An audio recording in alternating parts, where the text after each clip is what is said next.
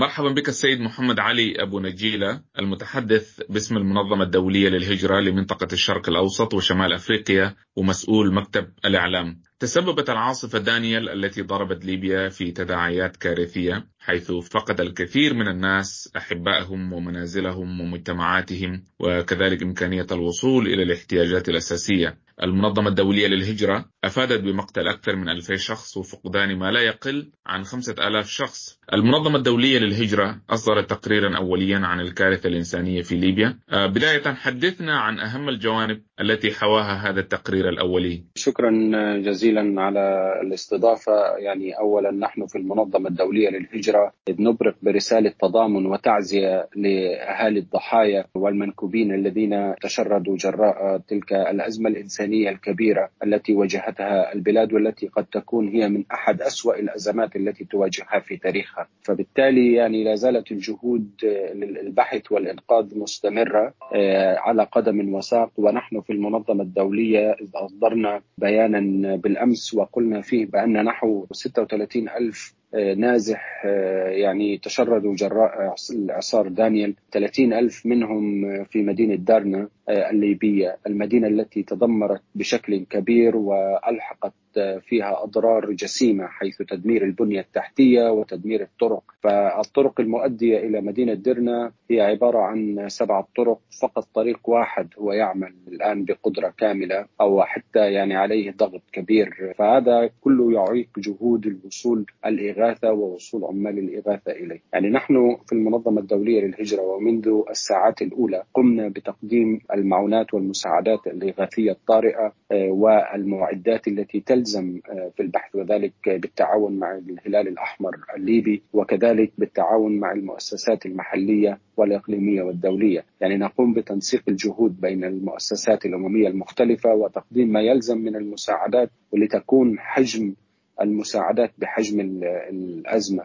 ولكن الأرقام والأعداد يعني في تزايد ويعني هناك ضبابية وتضارب في الأرقام الحقيقية الموجودة. ولكن بكل تأكيد بأن الأرقام حتى التي أصدرناها بالأمس هي أعلى بكثير وسنصدر تقارير في الأيام والساعات القادمة التي تعبر عن حجم الأزمة الكارثيه التي تعاني منها البلاد. حدثنا عن أوضاع الناس الذين تم اجلاءهم عن هذه المناطق المنكوبة. العديد من الأشخاص الذين شردوا نتيجة هذا الإعصار المدمر يعني خرجوا من منازلهم فالعديد منهم يعني في مدينة درنا يعني فقدوا منازلهم بشكل كبير لأنه هي المدينة الأكثر تضررا فذهبوا إلى المدن المجاورة وذهبوا إلى عائلاتهم دعني أقول هنا بأنه في خلال الأزمة الجارية يعني العديد من العائلات الليبية رسموا صورة جميلة جدا بالتضامن الاجتماعي والتكافل والتعاضد حيث فتح العديد يعني منازلهم واستضافوا أولئك المشردين بشكل كبير يعني وهذا يخفف من الحمل والأعباء على المؤسسات فهناك مشاركة مجتمعية يعني يجب أن تذكر ويثنى عليه. العديد من في المناطق الأخرى مثلا مثل منطقة البيضة هناك ثلاثة آلاف نازح يعني المدينة هي أقل تضررا مقارنة بدرنا ولكن يعني ذهبوا إلى أماكن أخرى مثل عائلاتهم وأصدقائهم. العديد منهم يعني تركوا منازلهم تحسبا ولكن هم ينتظرون المنظمة الدولية للهجرة بالأمس. يعني أرسلت ثلاث شاحنات محملة بالمواد الغذائية وغير الغذائية، المواد التي تتعلق بالنظافة الشخصية ومعدات تتعلق بالمساعدة في البحث والإنقاذ عن المفقودين إلى الآن، وكذلك يعني مواد لها علاقة بالخيم والغطاء اللازم يعني وما إلى ذلك. في ظل الدمار الكبير الذي لاحق بالبنية التحتية وخاصة الجسور والطرق كيف تصلون إلى هؤلاء الناس المتضررين؟ يعني في مدينة درنا بصعوبة شديدة لأن يعني دمار البنية التحتية وانقطاع شبكة الاتصالات والكهرباء وكذلك يعني انهيار الجسور التي توصل شرق المدينة بغربها. يعني كل هذه عوامل تعيق جهود عمل البحث والإنقاذ وكذلك تعيق جهودنا في الدخول والوصول إليها. ولكن نحن في المنظمة الدولية للهجرة يعني لدينا أكثر من فريق يعني يحاولون مساعدة أولئك الناجين والنازحين. بتقديم الخدمات الأساسية، نقوم بالتنسيق مع الجهات الأممية المختلفة وبالتنسيق مع السلطات والشركاء المحليين والإقليميين والدوليين. حتى يتم يعني عمل خطط استجابة طارئة وتحديد الاحتياجات الأساسية وتواصل مع الممولين لتوفير التمويل اللازم. وهناك يعني وعودات ومؤشرات إيجابية ورد فعل سريع يعني من المانحين والدول التي نتواصل معها حتى يتم تقديم المساعدة على شكل يتوائم مع حجم الأزمة التي تعيشها البلاد في المرحلة الحالية. كما نعرف أستاذ محمد علي ليبيا بها العديد من المهاجرين وطالبي اللجوء الذين يأتون إلى ليبيا في طريقهم إلى أماكن أخرى، كيف أوضاع هؤلاء الناس؟ المناطق التي تضررت من جراء الإعصار يعني محصورة في ست مناطق تقريبا. هناك ما يقرب قبل الكارثة الإنسانية التي نراها يعني أكثر من مئة ألف عامل من المهاجرين يعني ومن جنسيات بالتحديد. هي من جنسيات مصرية ومن السودان ومن تشاد. رصدنا في تقريرنا بالأمس بأن هناك 250 عامل مصري لقوا حتفهم جراء السيول وهو يعني رقم ليس بهين وهي ويعني ومؤسف يعني بالحقيقة. وهناك طبعا البعض ليس لدينا الإحصائيات في الجنسيات الأخرى ولكن نعلم بأن هناك عدد سودانيين وعدد من بنغلاديش والصومال أيضا يعني لقوا حتفهم. ولكن لازلنا نحصي الأعداد من خلال المركز المعلومات التابع للمنظمة الدولية للهجرة. نقوم بتقديم ما يلزم من المساعدات للجميع.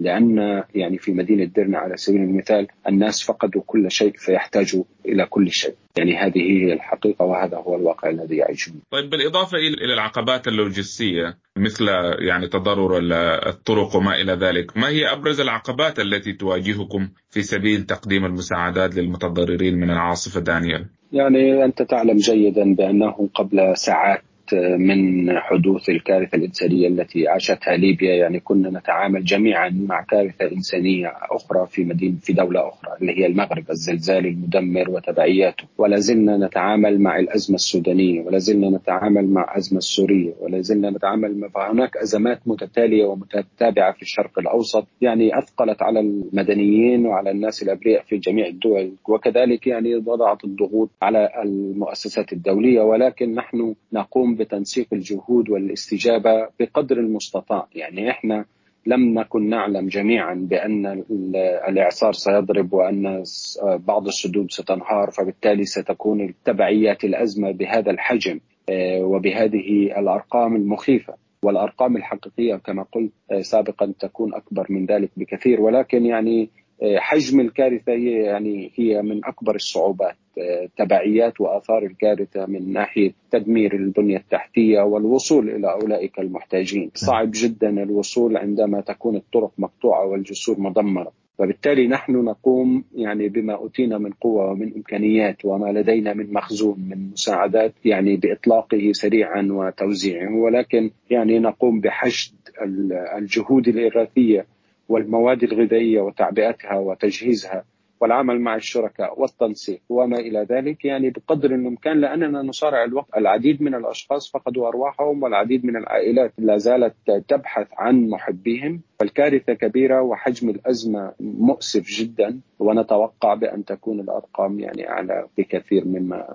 مما هي موجودة. في ختام هذا الحوار هل لديك رسالة أخيرة تود توجيهها؟ الوضع الإنساني في العالم هناك أزمات متتابعة، فبالتالي يعني دعوة المنظمة الدولية للهجرة في وقت الأزمات إلى التكاتف، تكاتف الجميع وتعاضد الجهود حتى نعمل على مواجهة تلك الأزمات، يعني في الوقت القريب سيكون لدينا قمة المناخ 28 في الأمس القريب أيضا تحدثنا في قمة المناخ 27 والتي استضفناها في القاهرة. تأثيرات المناخ وتبعياته هي حقيقية وقد تكون كارثية. يعني إذا لم تتضافر الجهود يعني سنشهد للأسف الشديد في العالم الذي نعيش فيه ليس فقط في الشرق الأوسط ولكن في جميع أنحاء العالم تبعيات كارثية وغير محتملة في مناطق غير متوقع أن تحدث فيها. يعني ستكون هناك السيول مع الاحتباس الحراري والفيضانات وما إلى ذلك. فبالتالي يعني دعوتنا بأن يكون هناك تكاثف الجهود ووضع يعني الجميع يتحمل مسؤوليته كل بمكانه وكل